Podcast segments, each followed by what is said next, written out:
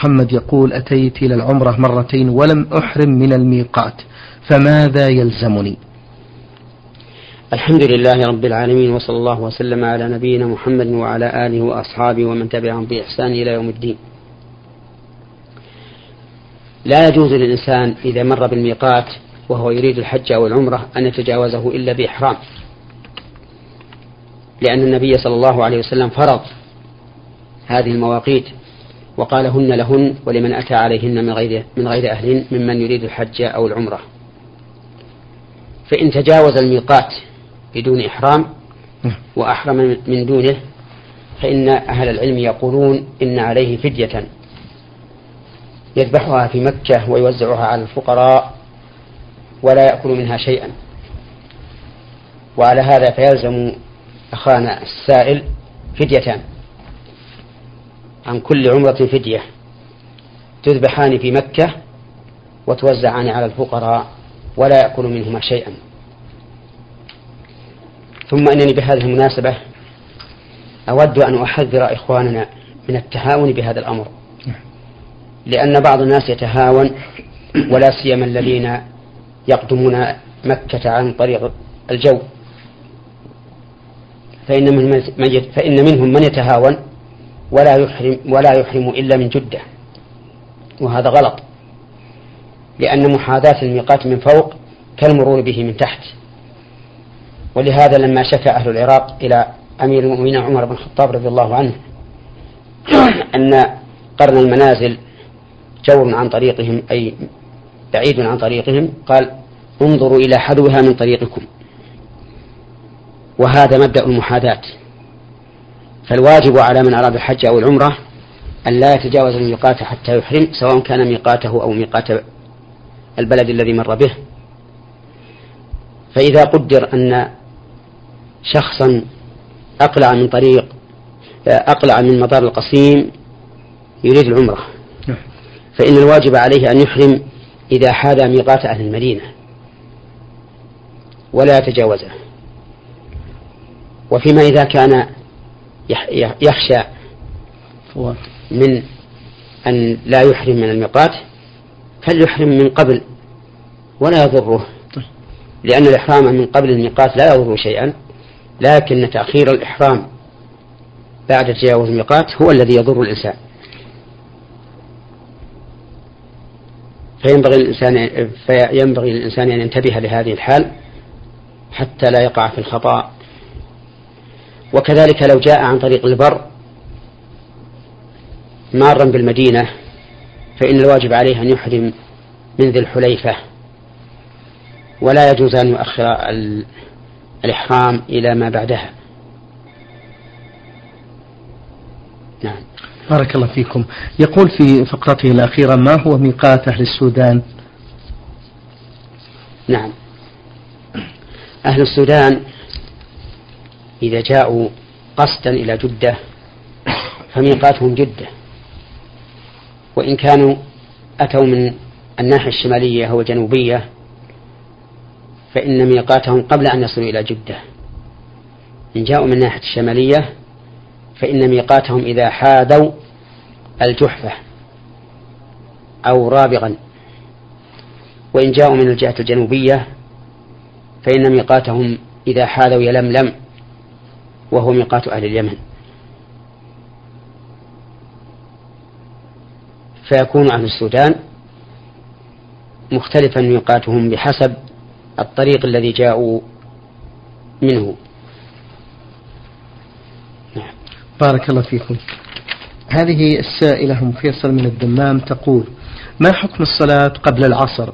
وما صحة الحديث الوارد عن ابن عمر رضي الله عنهما؟ رحم الله امرأ صلى قبل العصر أربعا وما حكم المداومة عليها؟ المراد بما قبل العصر أي ما قبل الصلاة نعم. وبعد الأذان. والحديث حسنه بعض أهل العلم ولكن هذه الأربع ليست راتبة يواظب عليها الإنسان دائما. فلا ينبغي أن يتخذها راتبة لأن العصر ليس لها راتبة. نعم.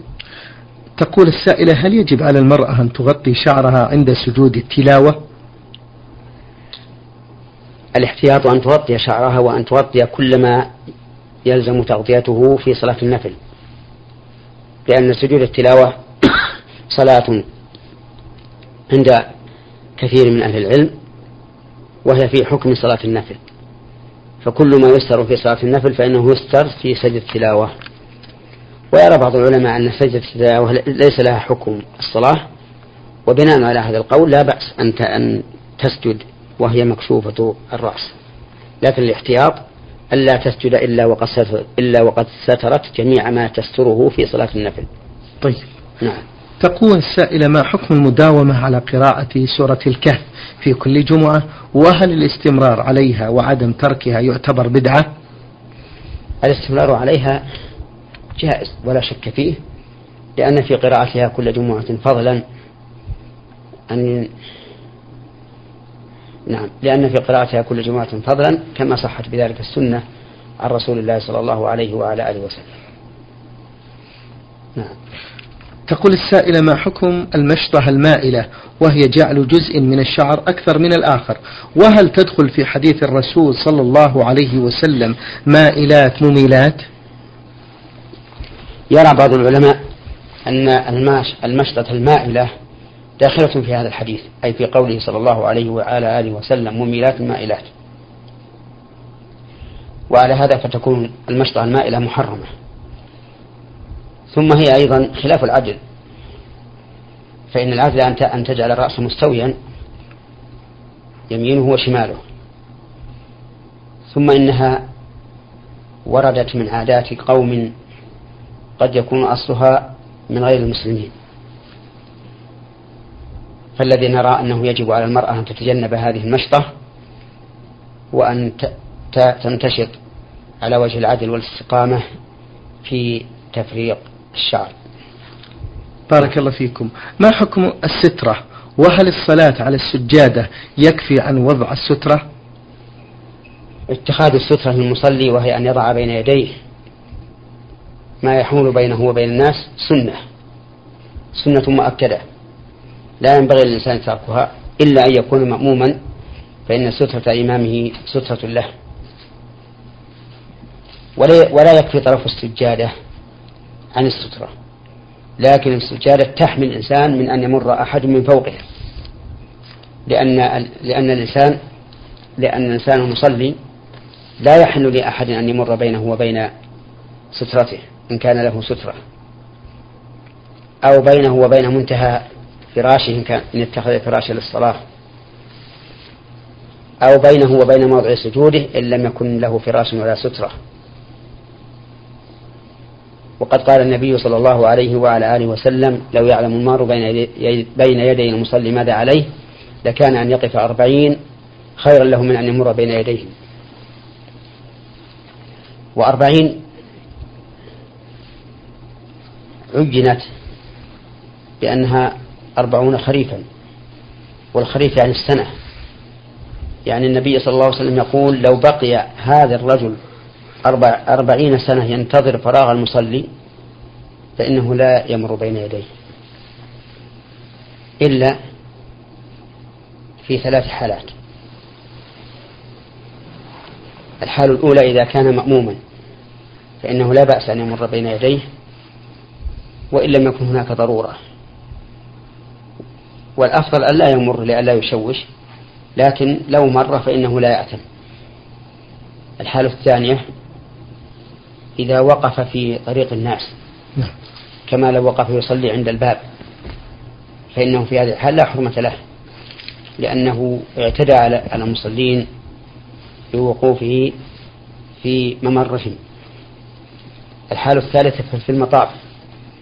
إذا كان الإنسان يصلي في المطاف وكثر الطائفون فإنه لا حرج عليهم أن يمروا بين يديه لأنه هو المعتدي إذ أنه لا يجوز للمصلي أن يضيق على الطائفين لأن المصلي يمكنه أن يصلي في أي جهة من المسجد وأما الطائفون فليس لهم إلا هذا المكان. فمن صلى في مكان في مطافهم فقد اعتدى عليهم ولا حرمة له. نعم. بارك الله فيكم. السائلة تقول فضيلة الشيخ إذا استيقظ الإنسان قبل شروق الشمس بخمس دقائق مثلا فهل يبدأ بصلاة الفجر أم بسنة الفجر ثم الفرض؟ وجزاكم الله خيرا. يبدأ بالسنة ثم الفرض. وذلك أن الإنسان إذا استيقظ فإن استيقاظه بمنزلة دخول الوقت. لقول النبي صلى الله عليه وعلى آله وسلم من نام عن صلاة أو نسيها فليصليها إذا ذكرها يعني أو استيقظ. فجعل النبي صلى الله عليه وعلى آله وسلم وقت الصلاة هو وقت الاستيقاظ أو وقت الذكر بعد النسيان. فيصلي أولا الراتبة ثم يصلي الفريضة كما كان يفعل ذلك كل يوم. أي أنه يقدم النافلة على الفريضة. نعم. بارك الله فيكم. هذه السائلة من الرياض رمزت اسمها بعين عين خاء. تقول فضيلة الشيخ هل يجوز صيام بعض عشر ذي الحجة وترك بعضها لعدم تحمل الجسم للصيام؟ نعم يجوز للإنسان أن يصوم بعض أيام العشر في ذي الحجة ويدع بعضا. وإذا كان ترك البعض من أجل مرض ألم به أو ضعف ألم به وكان من عادته أنه يصومها فإنه يكتب له أجرها كاملة لقول النبي صلى الله عليه وعلى آله وسلم من مرض أو سافر كتب له ما كان يعمل صحيحا مقيما. نعم. تسأل وتقول ما صحة حديث آه، أول من يفتح باب الجنة أنا وأم اليتيم؟ أما كونه صلى الله عليه وسلم هو أول من يستفتح باب الجنة فصحيح. وأما كون أم كاف اليتيم يقول؟ نعم. أنا وأم اليتيم. وأما كون أم اليتيم معه فلا أدري. نعم. تقول هل علي إثم إذا ضربت ابني اليتيم عند أي خطأ بقصد عدم الرجوع للخطأ؟ آه، ليس عليك إثم إذا ضربت ابنك اليتيم من أجل تربيته بل ذلك من الإحسان إليه. ومما تثابين عليه. وقد قال النبي صلى الله عليه وعلى آله وسلم مروا أبناءكم بصلاة السبع واضربوهم عليها لعشر وهذا يشمل اليتامى وغيرهم. نعم. هذا السائل آه، جمعة مصري يعمل بدولة الإمارات العربية المتحدة يقول فضيلة الشيخ هل يجوز لي أن أؤم زوجتي في صلاة الليل؟ وهل ثبت ذلك عن الرسول صلى الله عليه وسلم؟ نعم يجوز لك أن تؤم زوجتك في صلاة الليل لكنها تكون خلفك بشرط أن لا تجعل ذلك دائما ولكن أحيانا. ولا أعلم أن النبي صلى الله عليه وعلى آله وسلم أما أحدا من زوجاته في صلاة الليل. نعم. سؤاله الثاني يقول هل الأذان الثاني في صلاة الجمعة جائز أم لا؟ حيث أن هناك بعض الإخوة يقولون بأنه بدعة. وضحوا لنا ذلك مأجورين. الأذان الثاني يوم الجمعة سنة بلا شك. ولا أعلم أحد خالف فيها. وأما الأذان الأول الذي قبل هذا الأذان فقد سنه أمير المؤمنين عثمان رضي الله عنه وسنة الخليفة الراشد متبعة بأمر الرسول صلى الله عليه وعلى آله وسلم حين قال عليكم بسنتي وسنة الخلفاء الراشدين المهديين من بعدي تمسكوا بها وعضوا عليها بالنواجذ. فإن قال قائل كيف نعمل بهذا؟ والنبي صلى الله عليه وعلى آله وسلم لم يعمل به. قلنا نعمل به لأن هذا من اجتهادات من سنة من له سنة متبعة. وهو أمير المؤمنين عثمان بن عفان رضي الله عنه. وليس في السنة عن رسول الله صلى الله عليه وعلى آله وسلم ما يخالفه. فإن سبب زيادة هذا الأذان في عهد عثمان ليس موجودا في عهد النبي صلى الله عليه وعلى آله وسلم. وقد ثبت عن النبي صلى الله عليه وسلم أن بلالا في رمضان يؤذن قبل الفجر لا لا للفجر ولكن ليوقظ النائم ويرجع القائم. قال النبي صلى الله عليه وعلى آله وسلم إن بلال يؤذن بليل ليرجع قائمكم ويوقظ نائمكم. فكلوا واشربوا حتى حتى تسمعوا أذان نبي مكتوم فإنه لا يؤذن حتى يطلع الفجر. والحاصل أن الأذان الثاني للجمعة مشروع لا ريب فيه ولا إشكال. وموجود في عهد النبي صلى الله عليه وعلى آله وسلم. وأما الأذان الأول فهو من سنة عثمان رضي الله عنه وعثمان أحد الخلفاء الراشدين الذين لهم سنة متبعة. بارك الله فيكم فضيلة الشيخ. السائل عين من جدة يقول شخص فاتته من الصلاة الرباعية ركعتان فماذا يفعل في الركعتين الأخريين؟ هل يقرأ الفاتحة فقط أم يقرأ الفاتحة وسورة بعدها؟ هذه مسألة مختلف فيها عند أهل العلم. نعم. هل ما يقضيه المسبوق أول صلاته أو آخر صلاته؟ فإن قلنا إنه أول صلاته فإنه يقرأ الفاتحة وسورة. نعم. وإن قلنا إنه آخر صلاته فإنه يقتصر على الفاتحة فقط. وهذا القول هو الصحيح. أن ما يقضيه المسبوق هو آخر صلاته. وأنه يقتصر فيه على الفاتحة فقط بدون زيادة. نعم. بارك الله فيكم. يسأل ويقول من هم المحارم وغير نعم و... وأنه يقتصر فيها الفاتحة بدون زيادة. إذا كان ما يقضيه مما لا تسن فيه قراءة زائد على الفاتحة. مثل أن مثل المثال الذي ذكره السائل. يكون صلى أدرك مع الإمام ركعتين من الظهر ثم قام يقضي الركعتين الباقيتين فنقول في هذه الحال لا تقرأ أما لو كان قضى ما تسن فيه القراءة مثل أن يدرك من المغرب ركعة ففي هذه الحال يقوم فيقضي ركعة ويقرأ مع الفاتحة شيئا من القرآن ثم يتشهد ثم يقوم فيأتي بالثالثة يقتصر فيها على الفاتحة. وتعبيري في, في هذا الجواب بكلمة القضاء ويقضي أريد به الأداء. بل وتعبيري في هذه في هذه الإجابة في بالقضاء أريد به قضاء ما بقي لقول النبي صلى الله عليه وسلم وما فاتكم فأتموا. نعم. بارك الله فيكم. يقول هذا السائل من هم المحارم وغير المحارم؟ المحارم من الرجال كل من لا يحل الزواج به على وجه مؤبد. والذين لا لا لا لا يحل الزواج بهم على وجه مؤبد مذكورون في قوله تعالى حرمت عليكم أمهاتكم وبناتكم وأخواتكم وعماتكم وخالاتكم وبنات الأخ وبنات الأخت فهؤلاء لا يحل التزوج بهن. ف وكذلك نظيرهن من الرضاع. لقول النبي صلى الله عليه وعلى آله وسلم يحرم من الرضاع ما يحرم من النسب فالأب من الرضاع. محرم لبنته من الرضاع. و وهكذا يقال فيما بقي من السبع في النسب. وكذلك من من من المحرمات على الأبد ما ذكره الله تعالى في قوله ولا تنكحوا ما نكح آباؤكم من النساء إلا ما قد سلف إنه كان فاحشة ومقتا وساء سبيلا. فابن الزوج محرم لزوجة أبيه وإن علا.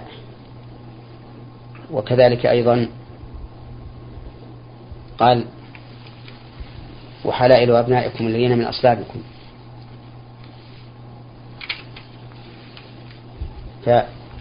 فأبو, فأبو الزوج محرم لزوجة ابنه وإن نزل. وقال تعالى وربائبكم اللاتي في حجوركم من نسائكم اللاتي دخلتم بهن فإن لم تكونوا دخلتم بهن فلا جناح عليكم. فزوج الأم محرم لبناتها من غيره بشرط أن يكون قد دخل بها أي قد جمع وقال الله تبارك وتعالى وأمهات نسائكم. فزوج البنت محرم لأمهاتها وجداتها وأن علونا فهؤلاء سبع في النسب وسبع في الرضاع وأربع في الصهر فهن ثمانية عشر امرأة. وأما ما يحل التزوج بها فإنها ليست بمحرم.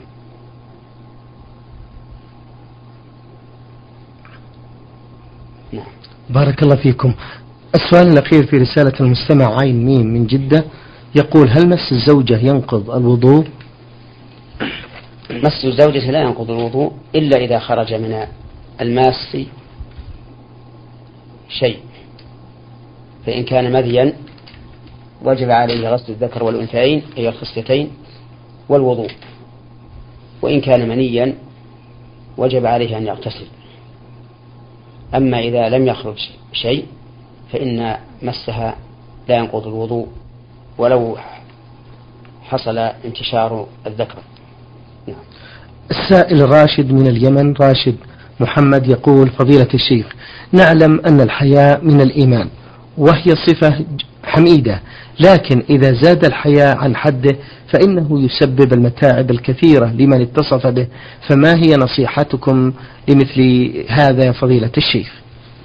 نصيحتي لمثل هذا أن يمرن نفسه على مواجهة الناس والتحدث إليهم والكلام معهم على وجه لا يخل بالمروءة حتى يزول عنه هذا الحياء.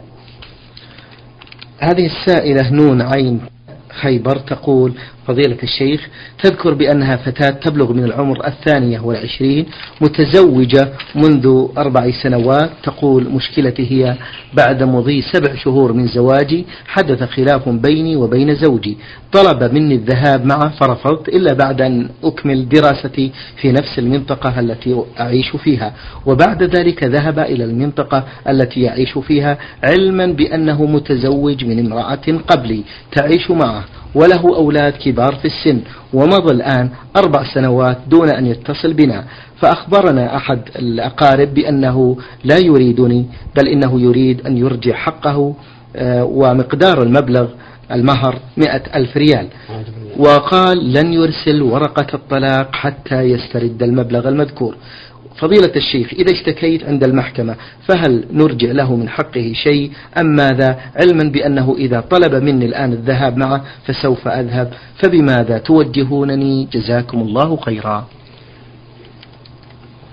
يؤسفني جدا أن تذكر المرأة أن مهرها كان مئة ألف فإن هذا من الزيادة الكبيرة التي تشكل آه، توجب المشاكل بين الزوجين. وذلك أن المبالغة والمغالاة في الصداق خلاف السنة. فإن السنة تخفيف الصداق وكلما خف الصداق كان أبرك للنكاح. فإن أعظم النكاح بركة أيسره مؤونة. والمغالاة في المهور تسبب مشاكل كثيرة منها أنها تطلق الزوج. وربما يحتاج إلى الاستدانة من الغير وتتراكم الديون عليه. وإذا قدر أنه حصل بينه وبين الزوجة أو أهلها مشاكل صعب عليهم استخراجها من هذا الزوج واستنقاذها منه لأن الزوج قد بذل, قد بذل شيئا كثيرا. ولا يمكن أن يرخص المرأة التي بذل في في الحصول عليها شيئا كثيرا إلا بإعادة هذا الشيء الكثير إليهم. كما في هذا المثال. ولو أن الناس اقتصروا على الشيء اليسير الله الذي يحصل به تكلفة المرأة وتهيئتها لزوجها وما يتصل بذلك من وليمة ونحوها في حدود عشرين ألفا. طيب. وهذا بالنسبة لزماننا الآن حين كثر المال بأيدينا. أما لو كانت الأخرى وقلت الأموال بين الناس فإن العشرين تعتبر كثيرة ومغالاة. لكني أقول باعتبار حالنا الآن المادية حيث إنها ولله الحمد حال مرتفعة أو متوسطة. أما لو حصل على الناس ضيق فإنه يجب أن تنزل المهور أيضا. بل فإنه ينبغي أن تنزل المهور حسب ما يطيقه الناس. ومن أجل هذا أي من أجل كون أهل الزوجة يريدون المال تعطل كثير من النساء الآن عن عن, النكاح. وتعطل كثير من الشباب. وصار بعض الشباب الآن يحاول أن يتزوج من الخارج. وفي هذا من المشاكل ما لا يعلمه إلا الله عز وجل. والحاصل أننا ننصح إخواننا المسلمين عن المغالاة في المهور ونقول إن السنة تخفيف المهر. وهو من أسباب بركة النكاح. ومن أسباب سهولة الانفصال إذا حصل بينهما مشاكل. أما هذه القضية التي ذكرتها المرأة نعم. فليس لي عليها جواب لأن أمرها يعود إلى المحكمة. شكر الله لكم يا فضيلة الشيخ وبارك الله فيكم وفي علمكم ونفع بكم المسلمين. أيها الإخوة الأحباب أيها الإخوة المستمعون الكرام أجاب على أسئلتكم فضيلة الشيخ محمد بن صالح بن عثيمين الأستاذ في كلية الشريعة وأصول الدين في القصيم وخطيب وإمام الجامع الكبير في مدينة عنيزة. شكر الله لفضيلته وشكرا لكم أنتم. وفي الختام تقبلوا تحيات زميلي مهندس الصوت سعد عبد العزيز خميس والسلام عليكم ورحمة الله وبركاته. نور على الدرب. برنامج يومي يجيب فيه أصحاب الفضيلة العلماء على أسئلة المستمعين.